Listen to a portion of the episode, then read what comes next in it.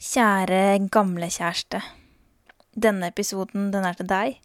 Jeg vil at det skal være litt sårt. Ganske sårt, faktisk.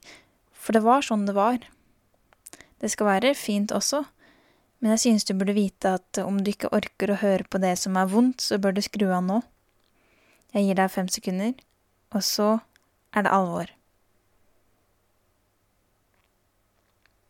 Nå starter det.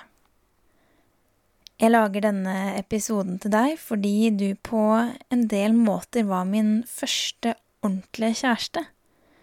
Det har jeg egentlig sagt og tenkt om alle kjærestene jeg har hatt, men du var den første med bil, med jobb som tjente såpass at vi kunne spise scampi og hvitløksbrød til middag, og du var den første jeg tenkte at så alle sidene av meg og forsto helheten. Og det var viktig, det som 17, snart 18-åring med lilla kjole, rød silkejakke med grønne blomster og en tøyprestekrage bak øret. Husker du det? At det var det jeg hadde på da vi møttes? Dette er sånn jeg husker at det var.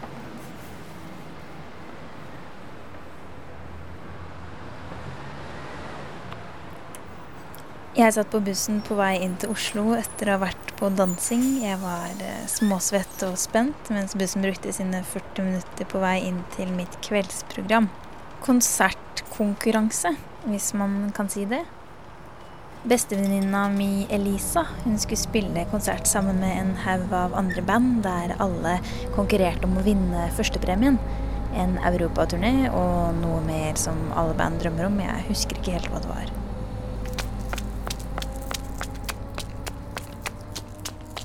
Jeg løper av bussen, opp til konsertlokalet, inn døra og bort til baren for å kjøpe meg en øl. Og gamle kjæreste. Hvis du ikke slo av i sted, så er jeg sikker på at du nå hører litt ekstra godt etter. For det er nå vi møtes. Jeg sier en øl, takk, og hører at noen ved siden av meg sier til en annen Kan du spille piano? Det er så sjarmerende. Jeg tenker ikke, jeg bare snur meg mot stemmene i samtalen, og så sier jeg 'Jeg kan spille piano'. Og det var deg jeg snakket til. Jeg fant venninna mi, hørte på konserten, du kom bort, vi begynte å snakke, du fortalte at du var pilot. Jeg gikk på do, du ventet. Jeg kom ut. Du sa du ikke var pilot likevel, men hadde en jobb der du løftet bagasje inn i fly. Vi gikk ut, satte oss på gjerdet. Det var litt kaldt selv om det var april.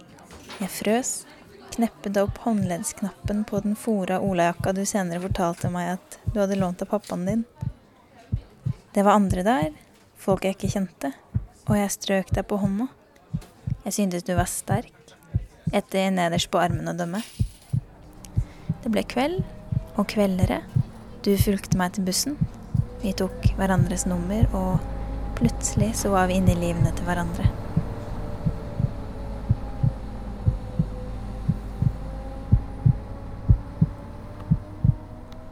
To år etterpå. Jeg er på Sørlandet. Jeg jobber med et kunstprosjekt på en festival. Vi har bestemt oss for at jeg drar alene fordi jeg kommer til å være mye sammen med andre folk, og jeg vil ikke at du skal være alene her hele tiden. Egentlig så er jeg lei. Men det tror jeg ikke at jeg sier. Du ringer, du er sjalu, du tror jeg er med andre, du sier ting jeg blir lei meg av. Jeg legger på, du ringer, jeg blir sint. Jeg går bortover en gruslagt landevei, fuglene synger, været er kjempedeilig, og selvstendighetsrommet i brystet vokser mens jeg blir mer og mer sint av det du sier. Til slutt sier du, helt sikkert i affekt, skal vi slå opp, da? Ja, sier jeg, og legger på. Ferdig. Det var da du begynte å ville dø.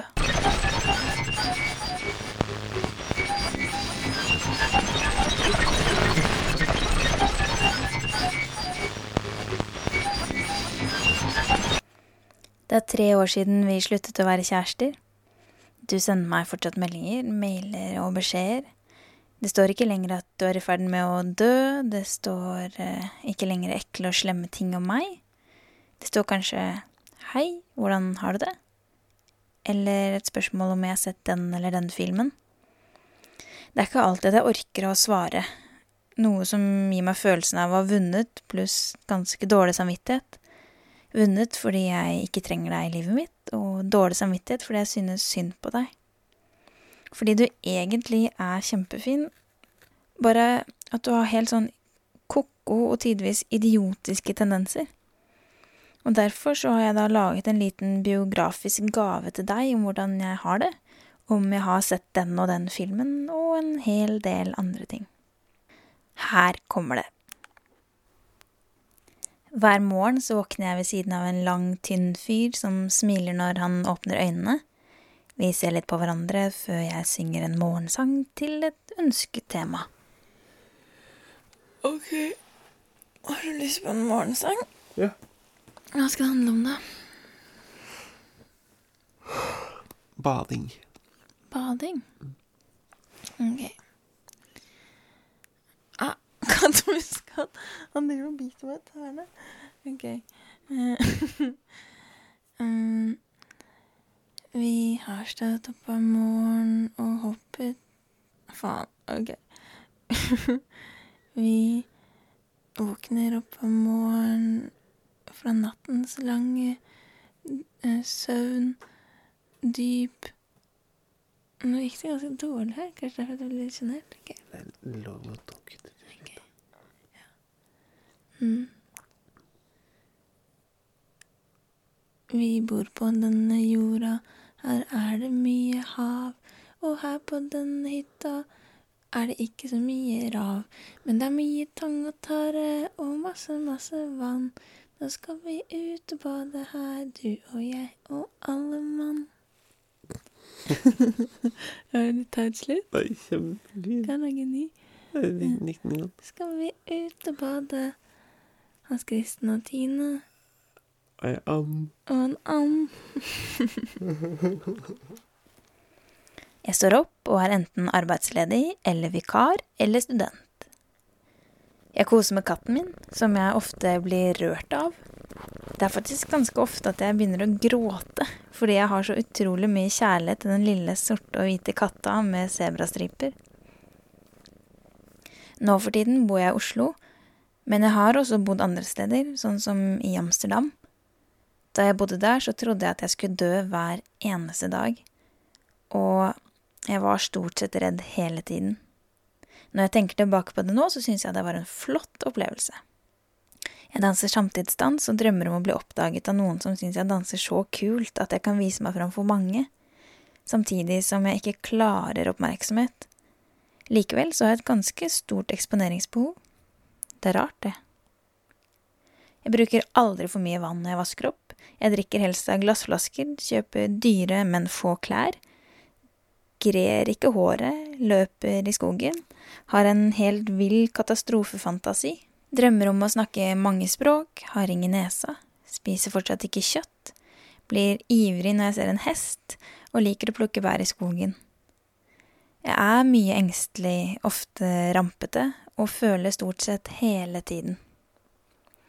Jeg har ikke så stor glede av folk som før, jeg liker bedre dyr og barn. Jeg synes det som ikke er ekte, er vanskelig, og drømmer ikke om oppnåelige mål.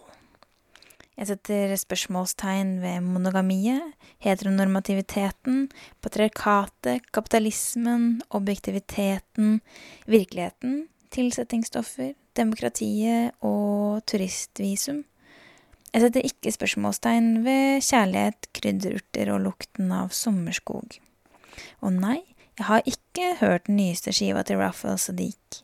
Det minner meg for mye om deg og også vi, og hytta du bygde til meg inne i skogen når jeg egentlig burde slått opp første gangen.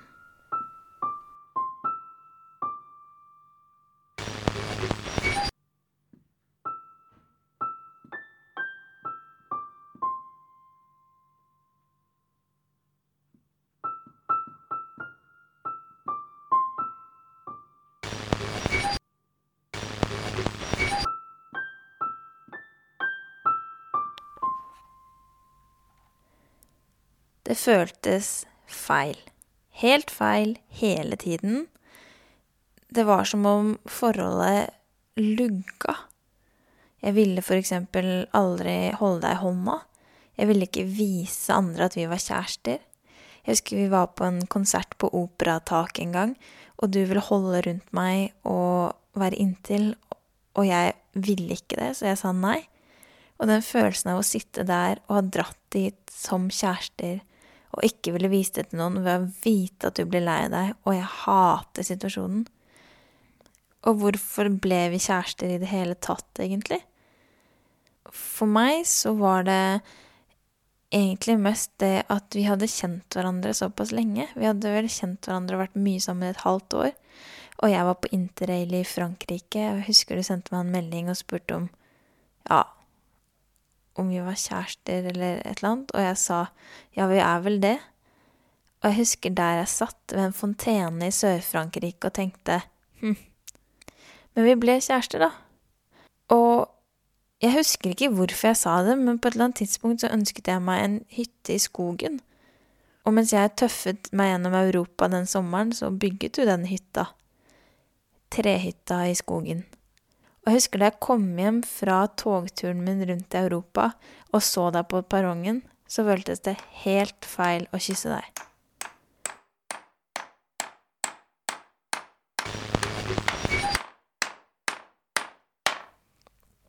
Hytta var ferdig. Den var mellom fire trær, tror jeg. Og den sto i skogen, bak huset til faren din der han bodde. Jeg husker du tok meg med dit. Vi gikk gjennom hagen bak og rundt og mot denne hytta, og jeg kjente bare motviljen vokse i meg samtidig som jeg prøvde å vise at jeg var glad, for det var en fantastisk fin ting å gjøre for noen. Hytta, den var ganske stor. Den hadde vinduer. Det var en liten klatretrapp som man kunne komme inn underfra, Den hadde tak. Den var alt jeg hadde ønsket meg av en trehytte. Jeg ville bare bort derfra. Jeg ville bort fra den dårlige samvittigheten over å vite at du hadde brukt store deler av sommeren på å bygge meg en hytte i skogen, og du hadde slept planker og spiker og hammer gjennom skogen for å gjøre meg glad, og alt jeg følte, var at dette var helt, helt feil, og at vi aldri kom til å gjøre hverandre lykkelige.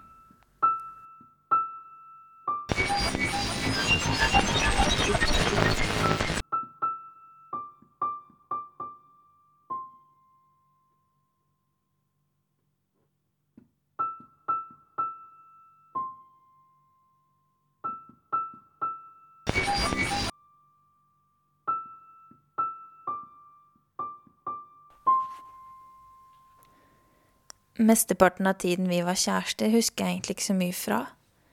Jeg tror jeg har fortrengt det. Men jeg husker noen ting. Jeg husker at vi var på Teknisk museum, og at jeg besøkte deg på Lillehammer. Jeg husker at du var så sterk at du kunne bære meg inn i senga om jeg hadde sovna på sofaen.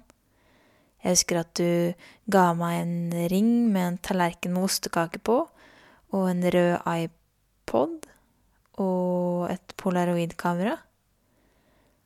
Jeg husker at da vi var på hytta mi, så krangla vi så fælt at du løp deg en tur på en og en halv mil. Og halve turen så jogget du da med et reklameblad fra Europris i hånda, fordi du ikke visste om jeg kom til å tro deg eller ikke når du sa hvor langt du hadde vært. Jeg husker hunden din, som var brun og gammel og veldig kosete. Og jeg husker orgelet i stua, hvor pappaen din likte å spille dubstep. Jeg husker da vi var på på fjellet med familien din, og en som hadde kjent deg hele livet, sa at jeg var heldig som hadde en kjæreste som deg, og det eneste jeg tenkte, var at vi snart kom til å slå opp, og snart måtte det være over.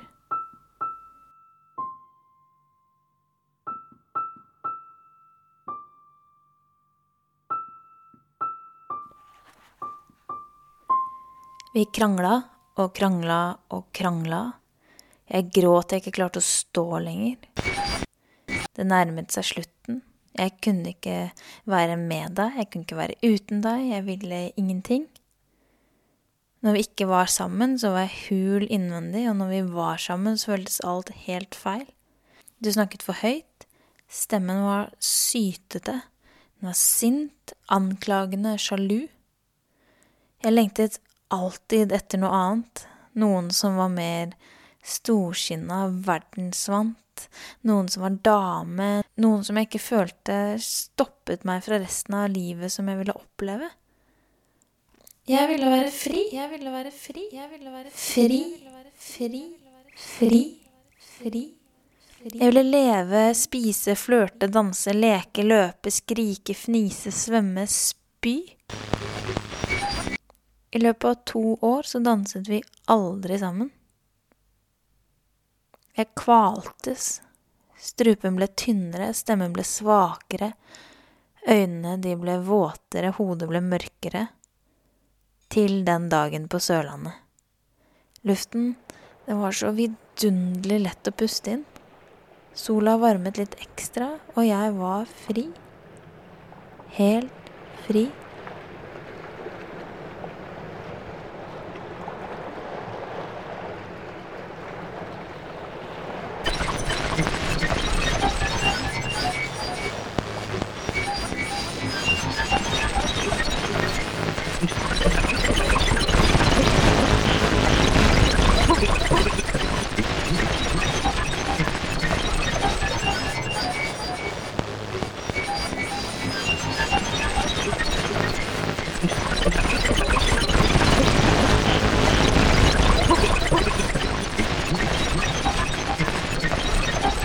Du ringte.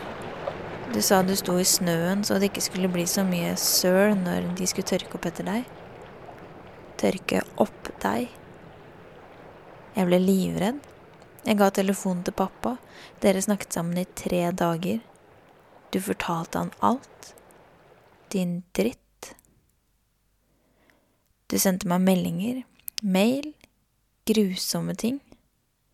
Jeg turte ikke å sove med vinduet åpent, jeg var så redd for deg. Hva du kunne finne på å gjøre. Jeg begynte å se meg over skuldra, begge skuldrene, og det stoppet ikke.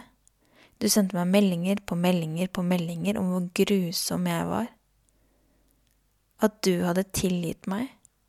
Jeg ba deg slutte, og du sluttet aldri. Hans Kristen? Ja.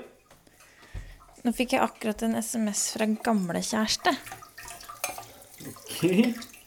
Det er morsekode. Morsekode. Kanskje? Jeg vet ikke hva det står, for at eh, jeg kan ikke morse. Jeg drikker strek, strek, prikk, prikk. Ja, Mm. stilig. Ganske kult. Visste ikke det gikk an å få det som eh, SMS, jeg. Nei, jeg tror kanskje at jeg har fått alt det går an å få som SMS på SMS fra den kanten. Mm. Hva syns du da om at jeg sånn ganske jevnlig får en del meldinger, selv om det er tre år siden jeg ikke var sammen med gamle kjærester lenger? Mm. Du som er nå kjæresten min, liksom. Ja. Det plager meg jo ikke. Det, er- hvis jeg skal tykke noe om det, så tykker jeg vel kanskje mest at det er litt trist, men ikke slik på mine vegne. På noen andre sine vegne. På mine vegne eller på gamle kjærestes vegne? På gamle kjæresten sine vegne. Jeg tenker jo at å sende deg en SMS med morsekode Vel Uten at jeg skal analysere for mye, men det, det kan jo framstå som et ønske om å bli brukt litt tid på. At du må sette deg ned og taste det her inn på internett en plass der du får det tyda, og så står det kanskje Greier du å lese hva som står her? Eller et eller annet slikt der. Som en skriver i morse, da, var at du på da på den måten bruker tid og energi og sender tanker til den personen som har sendt det. Det jeg kjenner på nå, det er at jeg blir både sint og flau fordi jeg var sammen med deg. Jeg føler at når jeg diskuterer dette her, det du har gjort, det at jeg tok imot det og fant meg i det, det at jeg kunne leve med det en stund, at når Hans Kristen sier alt dette, så er det på en måte jeg også som er teit. Sist gang jeg møtte deg, så fortalte du at du hadde tatt LSD og stemte Frp ved forrige stortingsvalg. Og nå sender du meg morsekoder. Kan du ikke bare stoppe? Kan du ikke bare tenke på meg som noe som har vært, og som er ferdig, punktum og ferdig snakka? Jeg kan Jeg huksa jo Jeg hadde en gang eh, kjærlighetssorg. Og da var det ganske mye viljestyrke i å ikke sende meldinger til den personen hun hadde kjærlighetssorg overfor, fra min side. Og jeg tenkte at det var en slags, en slags bra ting. En slags måte å vise at jeg innser hva som har skjedd. En måte å si, eller uttrykke at jeg skal faktisk greie å komme videre. Og en, som en slags sjølrespekt overfor meg sjøl. Det er ikke at er fortsatt tre år etterpå, når oss eh, bor sammen, har si, fint liv sammen, syns jeg. da. Det er jo da fortsatt på prøve å få være en del av livet ditt. Sende slike her filmtips og morsekode Kanskje ikke så jevne, det, da, men det viser jo et eller annet med at en kanskje ikke helt greier å gi slipp på noe som var, og som det vel skal ikke jeg være den som sier hvordan verden henger sammen, men som det vel ser ut som det skal en del til å få ende. Og da er det noe trist over, tenker jeg. Det er noe kanskje mye trist og et eller annet slik stusslig. Men det plager meg jo ikke. Det er helt fint. Mm. Jeg er liksom så delt på det, fordi på en måte så får jeg ordentlig vondt av gamle kjæreste. Når jeg tenker virkelig på det, det er tre år siden det var slutt. Og likevel så kommer det sånn jevnt. Og så Hva skal jeg si, liksom? Jeg syns synd på ham, og samtidig så er det dritirriterende å bare invadere livet mitt sånn som det er nå. Jeg har ikke bedt om det. Hva, jeg skjønner ikke hva det skal være. Hva betyr det, liksom? Og, og, den delen av meg som vil være snill, som har fremdeles dårlig samvittighet for å ha vært kjip samtlige år av det forholdet der, har liksom vondt i magen for det. Og den andre delen er sånn fy faen, kan du drite i det, liksom? For det er så primitivt dust, da. Og det syns jeg er vanskelig, i hvert fall med tanke på så mye drit jeg måtte ta imot fra den kanten der. Og så husker jeg liksom samtidig ikke så mye av det, for det har bare liksom forsvunnet, for jeg vil ikke tenke på det. Så jeg blir liksom sånn både lei meg og trist og litt sånn Det er hyggelig å høre hvordan det går samtidig-aktig.